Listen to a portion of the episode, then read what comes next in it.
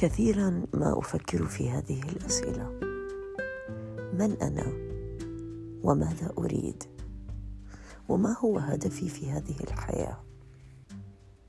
وما هي الأمور التي تجعلني ممتنة؟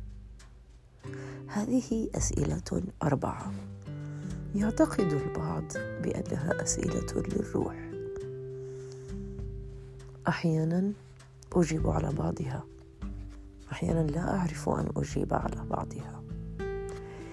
هدفي في الحياة أحيانا أرى بأنه يختلف في مرحلة إلى مرحلة أخرى في حياتي.